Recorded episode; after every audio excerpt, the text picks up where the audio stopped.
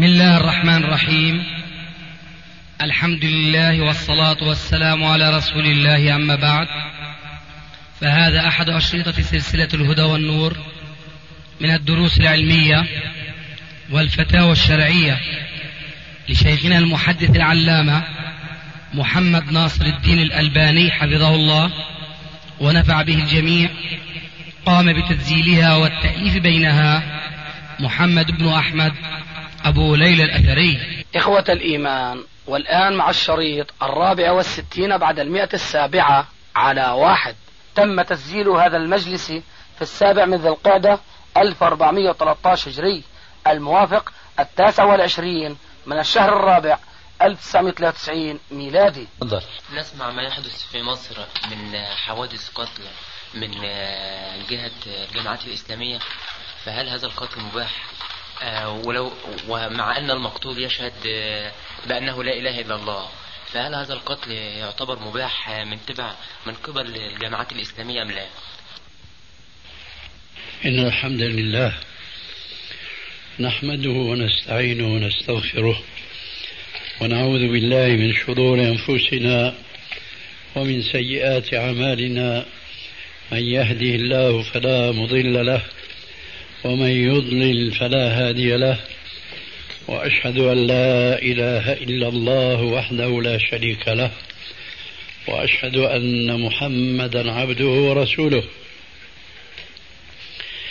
يا أيها الذين آمنوا اتقوا الله حق تقاته ولا تموتن إلا وأنتم مسلمون. يا أيها الناس اتقوا ربكم الذي خلقكم من نفس واحدة وخلق منها زوجها وبث منهما رجالا كثيرا ونساء واتقوا الله الذي تساءلون به والأرحام إن الله كان عليكم رقيبا يا أيها الذين آمنوا اتقوا الله وقولوا قولا سديدا يصلح لكم أعمالكم ويغفر لكم ذنوبكم ومن يطع الله ورسوله فقد فاز فوزا عظيما. أما بعد فإن خير الكلام كلام الله وخير الهدي هدي محمد صلى الله عليه وآله وسلم وشر الأمور محدثاتها وكل محدثة بدعة وكل بدعة ضلالة وكل ضلالة في النار.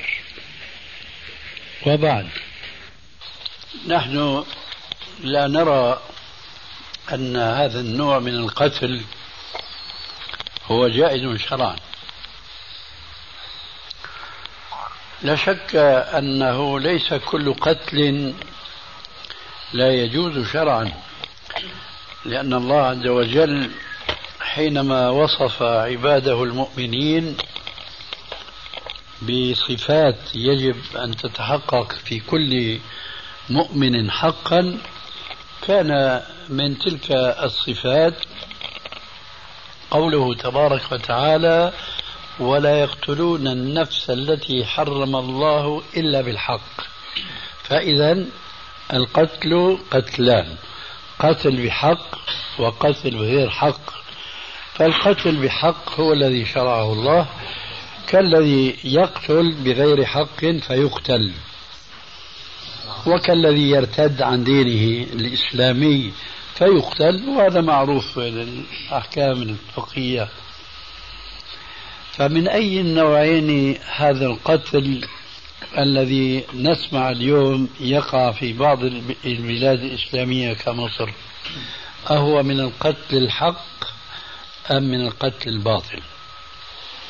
لا نشك أبدا أن مثل هذا القتل لا يجوز إسلاميا لأن الذي يقوم بتنفيذ الأحكام الشرعية إنما هو الحاكم المسلم.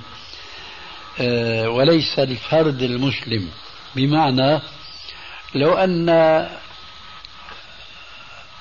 أخا مسلما قتله قاتل فلا يجوز لأخيه أن يثأر للقتيل بنفسه وإنما يفعل ذلك الحاكم المسلم. فهو إذا سلطه على أن يقتل القاتل جاز له وإلا لم يجوز له.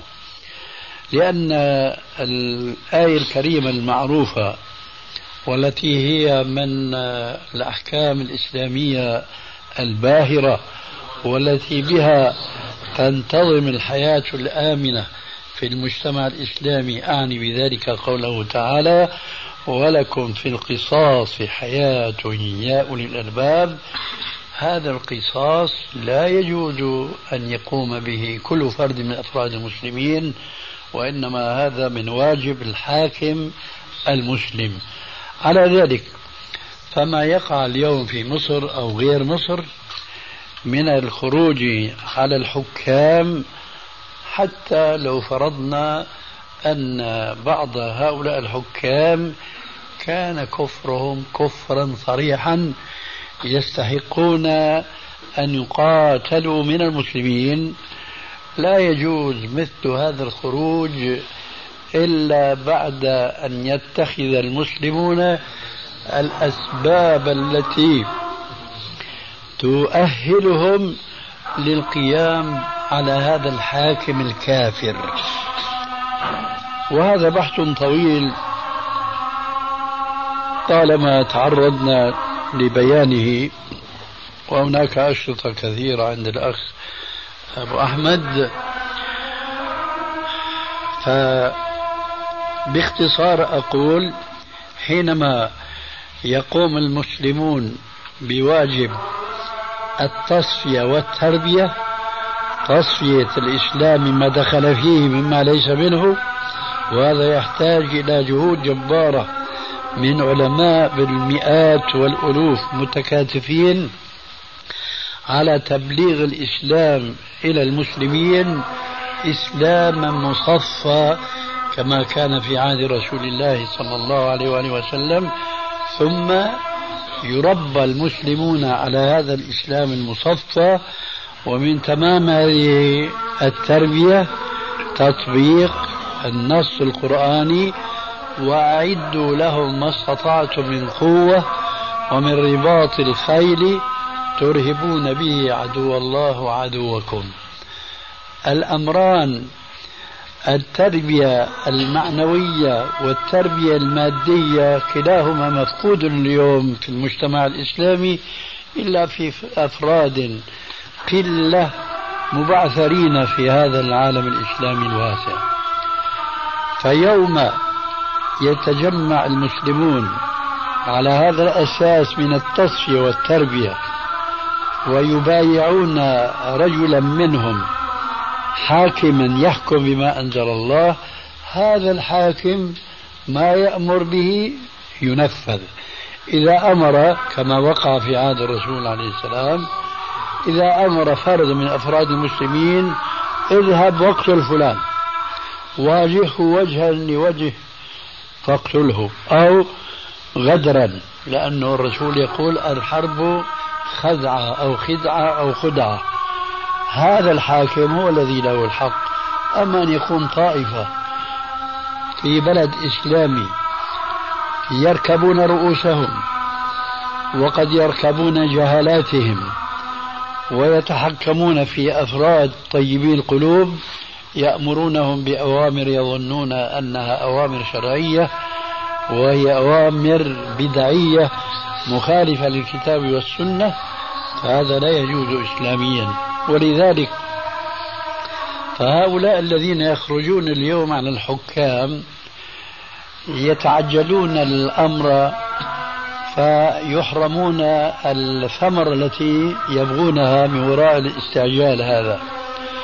وقد جاء في بعض الأحاديث الصحيحة حينما توجه بعض الصحابة وقد كادوا أن ييأسوا من نصر الله عز وجل فذكرهم الرسول عليه السلام في بعض الأحاديث الصحيحة بأن من كان قبلكم كانوا يعذبون كان أحدهم يؤخذ فيوضع المنشار على رأسه فينشر حتى يقع على الأرض فلقتين يرتد عن دين الله فيأبى ويرضى بهذا الموت بهذه الطريقة ويسلم أمره لله فيموت شهيدا في سبيل الله.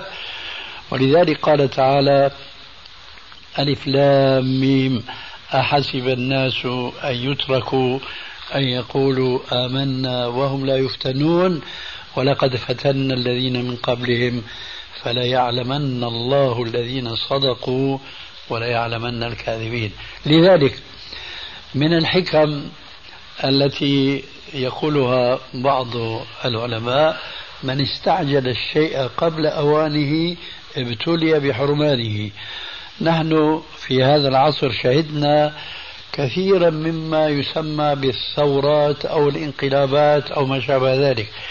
من أسوأها ما وقع في رأس القرن الحاضر سنة 1400 في مكة المكرمة من خروج جماعة على الحكم هناك فوقع القتل في المسجد الحرام من الطائفتين. والطائفة التي خرجت هي طبعا البادية بالظلم. ثم تلتها ثورات وثورات كثيرة منها في سوريا ولا بد أنكم سمعتم ما أصاب الدعوة اليوم حيث اليوم كنا ونحن هناك قبل نحو خمسة عشر سنة تكاد سوريا تنقلب إلى شعب سلفي على الكتاب والسنة. والآن رجعت الدعوة قهرة وأصبح الناس يعني يعيشون كما يعيش الخلد في جوف الأرض. يعني لا يجرؤون أن يظهروا بعباداتهم وعقائدهم إلى آخره. ما سبب ذلك؟ الاستعجال وقبل اتخاذ العدة التي أمرنا الله عز وجل بها وهما عدتان سلاحان سلاح قلبي إيماني وسلاح مادي. هذا السلاح الإيماني تحقيقه سهل ومع ذلك فالناس مقصرون كل التقصير لأنهم لا يعرفون الإسلام ولا يفهمونه فهما صحيحا فضلا عن أنهم لا يستطيعون القيام بالسلاح المادي لهذه الظروف التي تحيط بكل بلاد الإسلام التي تكاد تستعمر من الكفار بطريقة مباشرة أو بطريقة خفية ظاهرها الرحمة وباطنها العذاب. لهذا فما يقع في مصر وما يقع في الجزائر كل ذلك خلاف الإسلام وعلى المسلمين. أن يعودوا إلى فهم دينهم فهما صحيحا وإلى تطبيقهم على أنفسهم على هذا الأساس من الفهم الصحيح. ويومئذ يفرح المؤمنون بنصر الله. وبهذه المناسبة تعجبني كلمة قال بعض الدعاة الإسلاميين لأتباعه ولكنهم مع الأسف أعرضوا عن هذه الكلمة. وهي من خير الكلمات التي تكلم بها ذلك الداعية وهي أقيموا دولة الإسلام في قلوبكم تقم لكم في أرضكم. أقيموا دولة الإسلام في قلوبكم تقم لكم في أرضكم. فقبل أن يقيم المسلمون دولة الإسلام في قلوبهم وفي ذوات أنفسهم لن تقوم لهم دولة الإسلام على أرضهم. واليوم الناس عكسوا يصيحون بأن الحاكمية لله وهو حق ولكنهم لا يحكمون شرع الله في أنفسهم. فما فائدة أن تدع الحكم بما شاء الله في نفسك وترجو من غيرك أن يطبق ما أنت مخل به. ونسأل الله عز وجل أن نتعظ بمثل قوله تبارك وتعالى يا أيها الذين آمنوا لم تقولون ما لا تفعلون؟ كبر مقتا عند الله أن تقولوا ما لا تفعلون. لعل الوقت حان ولا؟ وين الإمام؟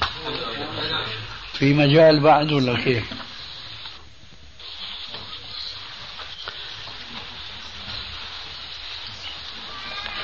كما بدأنا قبل صلاة العشاء افتتاح الأسئلة. نرجو أن تكون منتظمة وأن نكون بعيدين عن الفوضى. فكل من يريد أن يوجه سؤالا يرفع يده. ثم نسمع منه السؤال. ونجيب عنه إذا كان لدينا الجواب. فالآن من كان عنده سؤال فليتوجه به ونرجو أن لا يكون جوابا عفوا أن لا يكون سؤالا مكررا ومكررا جدا حتى يستفيد جميع الحاضرين. من السؤال وجوابه. فالآن من كان عنده سؤال فليرفع يده. تفضل. بسم الله الحمد لله والصلاة على رسول الله عليه الصلاة والسلام خرجت فتوى أخيرا في مصر أنه يجوز للمسلم أن يقتل نفسه إن خاف من مخابرات بلده. فهل هذه الفتوى صحيحة أم غير صحيحة؟ بارك الله فيكم. هذه الفتوى كسابقتها. هل يجوز قتل المسلمين بعضهم لبعض هدون جماعة إسلامية وذيك جماعة حكومية الجواب لا يجوز. وهذا انتحار غير جائز شرعا والانتحار في أثناء الحرب آه، ما يجوز إلا في حرب إسلامية ترفع فيها الراية المسلمة وتحت حاكم مسلم يحكم بما أنزل الله. وعسى أن نرى ذلك قريبا. تفضل. شيخنا ظهرت هناك بعض الكتب تتكلم عن مسائل التكفير وأوردوا بعض الأدلة في مسألة الإيمان واتهموا بها أن عقيدة أهل السنة والجماعة في هذه المسألة هي من مسائل المرجئة. وأوردوا آه، كلام لابن, آه، لابن أبي العز وللطحاوي. فما ردكم على هذه الشبهة؟ جزاك الله خير. ردنا أن أولا الخلاف جذري بين أهل السنة حقا وبين المرجئة حقا. من ناحيتين اثنتين.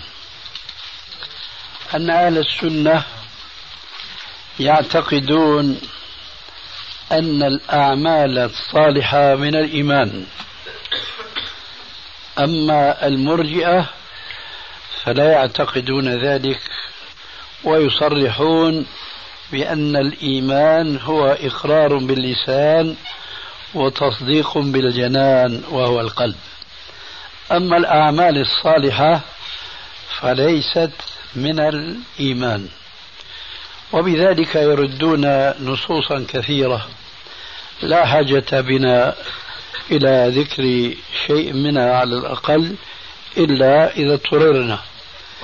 هذه هي النقطة الأولى التي يخالف المرجئة أهل السنة حقا. النقطة الثانية وهي تتفرع من النقطة الأولى وهي أن أهل السنة يقولون الإيمان يزيد وينقص. زيادته بالطاعة ونقصانه بالمعصية. المرجئة ينكرون هذه الحقيقة الشرعية ويقولون بأن الإيمان لا يزيد ولا ينقص. فاتهام من أشرت إليهم والعودة على الراوي. اتهام هؤلاء الكاتبين في العصر الحاضر أهل السنة بأنهم مرجئة في مسألة الإيمان فذلك يدل دلالة قاطعة على أحد أمرين اثنين وأحلاهما مر إما أنهم يجهلون هذه الحقيقة وإما أنهم يتجاهلونها. كيف يتهم من يقول الإيمان يشمل العمل الصالح؟ والإيمان يزيد وينقص كيف يتهم هؤلاء بأنهم مرجئة والمرجئة يخالفون هؤلاء جذريا فيقولون الإيمان لا يشمل العمل الصالح ولا يقبل الزيادة والنقصان حتى رووا عن أحد كبارهم أنه كان يقول إيماني كإيمان جبريل عليه السلام. وهو قد يكون صادقا مع نفسه لكنه ليس صادقا مع نص كتاب ربه. حينما يقول إيماني كإيمان جبريل لأنه يعتقد أن الإيمان ليس له علاقة بالصلاة والعباده والتقوى وإنما هو إيمان. والإيمان الذي هو مجرد الاعتقاد لا يقبل الزيادة والنقصان. لأنه إن نقص تحت اليقين دخله الريب والشك حين ذاك لا يفيد. لكن الإيمان لا يقبل الجمود كهذا النور كهذا المكان. مهما سلطت فيه من أنوار فهو يتسع ويتسع إلى ما لا حدود له. فإذا اتهام أهل السنة من هؤلاء الذين يبدو مما سمعت من السؤال أنهم يلحقون بالخوارج.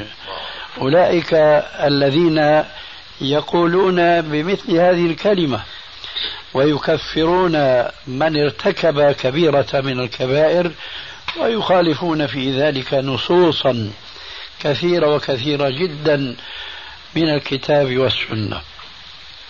فيا عجبا كيف يتهمون جماهير المسلمين من الصحابة والتابعين وأتباعهم الذين شهد لهم رسول الله صلى الله عليه وآله وسلم بأنهم خير القرون يتهمونهم بأنهم مرجئة ويخالفون بذلك أساطين من نصوص الكتاب والسنة. والأمر في ظني لا يتطلب توسعا في رد هذه الفرية أكثر من ما ذكرته آنفا ولعل في هذا كفاية إن شاء الله. تفضل. كيف أنتم يا أستاذي؟ الحمد لله بخير. حفظكم الله. كيف حالك الله يقويك يا شيخنا. أنا بخير. الحمد لله نرجو الله أن تكونوا بخير. الله يحفظك. الله يجزيكم الخير شيخنا. أهلا مرحبا. آه شيخنا الدنيا حالها صعب ومرير. خير بقدر ما فيها من أفراح فيها عكس ذلك. نعم.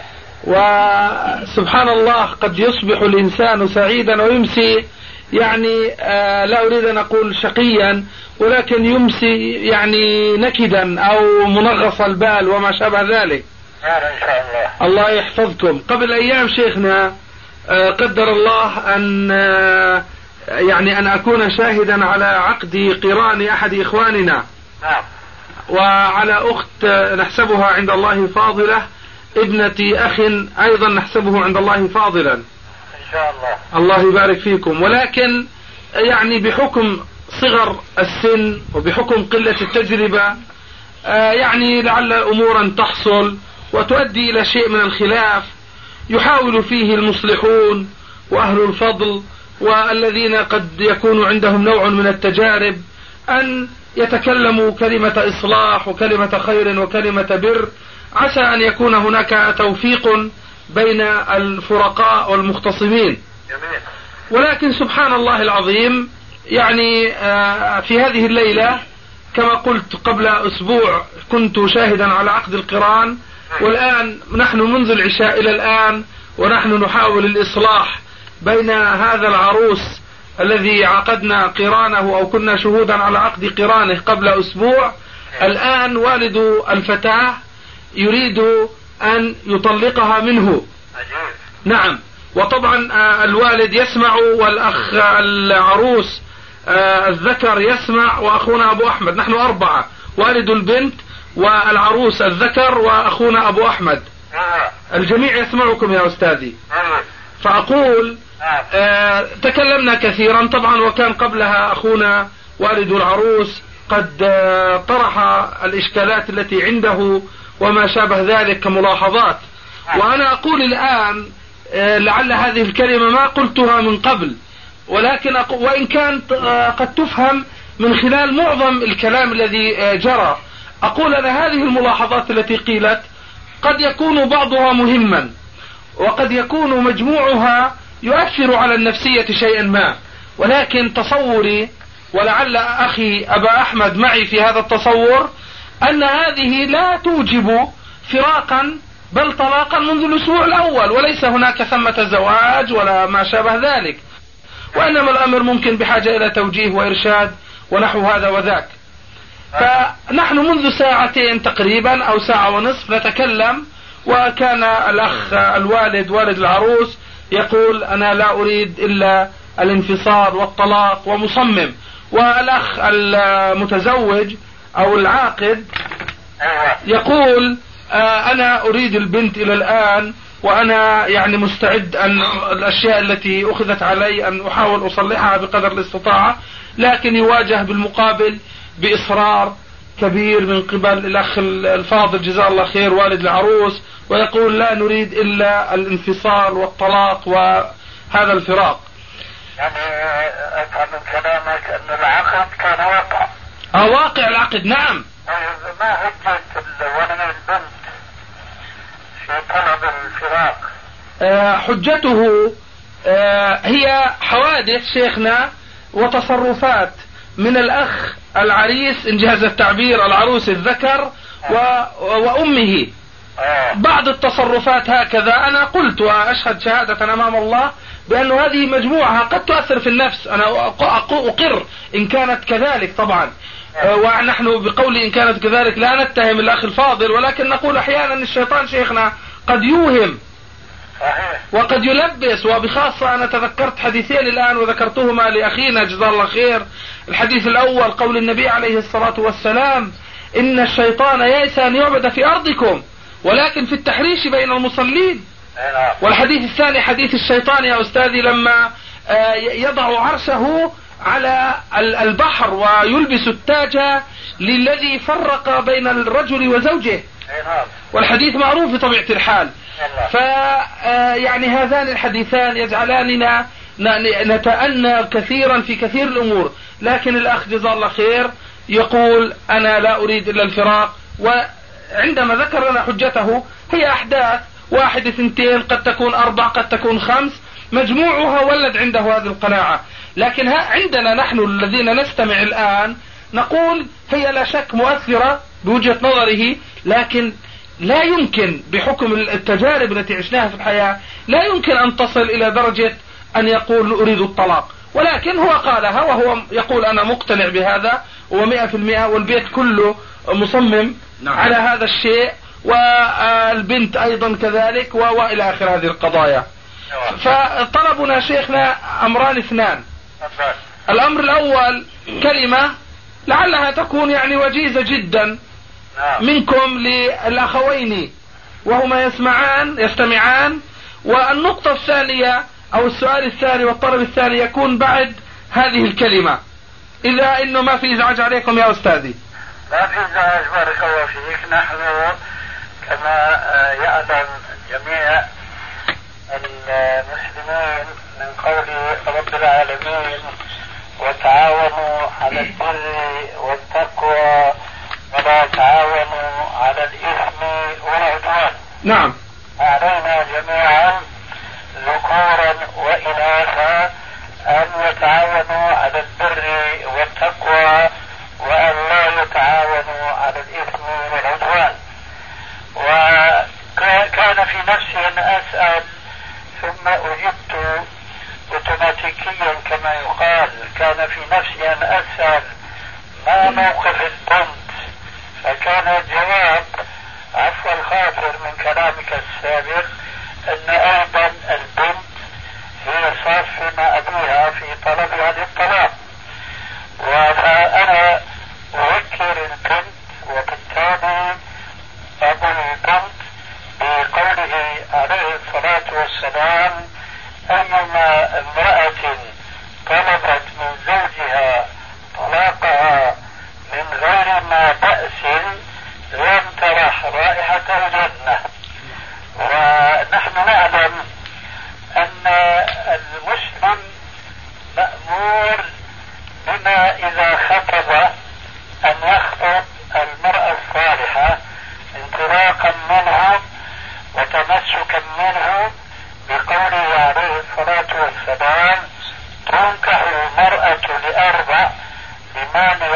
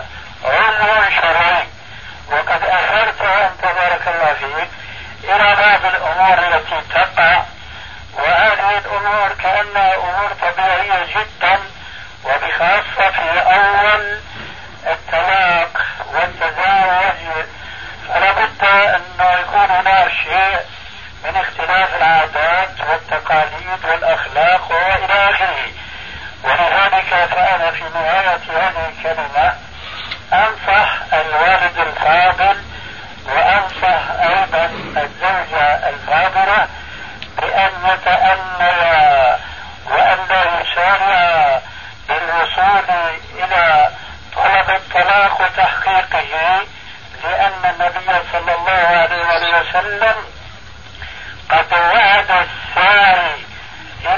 طلب الطلاق من غير عذر شرعي بأن ذلك الفعل يسبب للطالب أن لا يدخل الجنة. هذه كلمتي وأنا بطبيعة الحال لا أعرف من الخاطب من المخطوبة من ولي أمرها. لكنها كما قال عليه السلام الدين النصيحة الدين النصيحة الدين النصيحة قالوا لمن يا رسول الله قال لله ولكتابه ولرسوله ولأئمة المسلمين وعامتهم فكل من الخاطب والمخطوبة وولي أمرها كلهم جميعا من عامة المسلمين. فوجب علي تقديم النصيحة بعد أن ذكرت لي؟ ما ذكرت من محاولة الافتراق. بعد ذلك الطلاق على كتاب الله وعلى سنة رسول الله صلى الله عليه وسلم.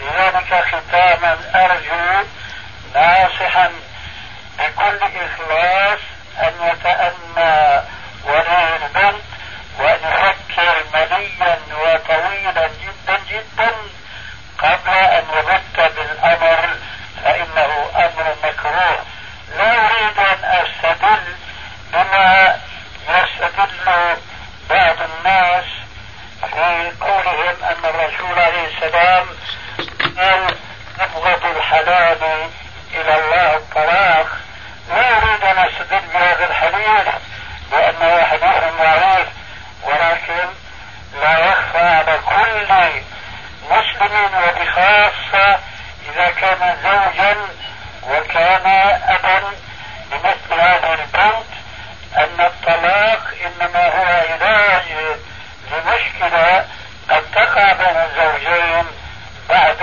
أن أمضى سنين طويلة لم يتمكنا من أن يتساورا وأن يتفاهما فهنا شرع الله عز وجل الطلاق أما الطلاق بدون سبب شرعي وبخاصة حيث لا يكون سبب مصور شرعا فأنا أرى أن هذا لا يجوز أن يقع من مسلم يؤمن بالله ورسوله وعني بولي البنت أن يكون عند حسن ظني ولا يسعى للتفريق بين الزوجين هذا ما عندي ونسأل الله عز وجل أن يلهمنا جميعا المناصحة في دين الله وتقوى الله عز وجل فيما أمر هذا ما عندي حفظكم الله يا أستاذي وجزاكم الله خيرا على هذه الكلمات الغالية الغالية. الله يبارك فيك. الله يجزيكم الخير. شيخنا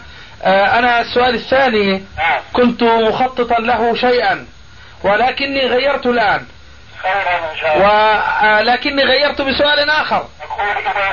الله يحفظكم. هو كذلك إن شاء الله بعد ما سمعنا كلمات الخير هذه التي نرجو أن تكون مفتاح خير. وأن يجعلكم الله مفاتيح للخير مغاليق للشر. الله يحفظكم. شيخنا أقول قبل قليل أنا قلت كلمة من ضمن الكلام اللي قلته. قلت أخونا ال ال ال آه، الخاطب يريد البنت ويريد قربكم ويريد كذا لكن طالما أنتم مصرون فنحن لا نستطيع أن نزوجه رغم الأنوث والأمر أمركم. لكن لي طلب. أنا قلت له لي طلب. وهذا الطلب هو أن تتأنوا يومين أو ثلاث وتهدئوا الوضع في البيت والأمور تستكين وتستريح نفسيا. ثم بعد ذلك بعد هذين اليومين أو الثلاث قلت لم يتغير شيء ونحن نريد الطلاق فهذا لكم. هذا كما قيل وافق شن طبقة وافقه فعانقه لعلك تتذكر أنني أوصيت الوالده والبنت بالتأني صحيح. أنا الشيء اللي اللي- يعني هذا فقط من باب التأكيد حتى يعني ترتسم الكلمات واقعا حيا في آه، أذهان السامعين جميعا. ونضيف إلى ذلك الآن شيئا آخر وهي وصيتنا وهو وصيتنا لوالد البنت وهو أخ حبيب جزاه الله خيرا أن يسمع هذا الشريط لأهل بيته جميعا. للجميع الله يحفظكم يا شيخنا وجزاكم الله خيرا كثيرا. وإذا جد جديد نحن إن شاء الله نخبركم ولن يكون إلا ما يريد الله من خير للجميع. أنا معكم على الحق إن شاء الله. حفظكم الله والسلام عليكم ورحمة الله وبركاته. وعليكم السلام ورحمة الله وبركاته.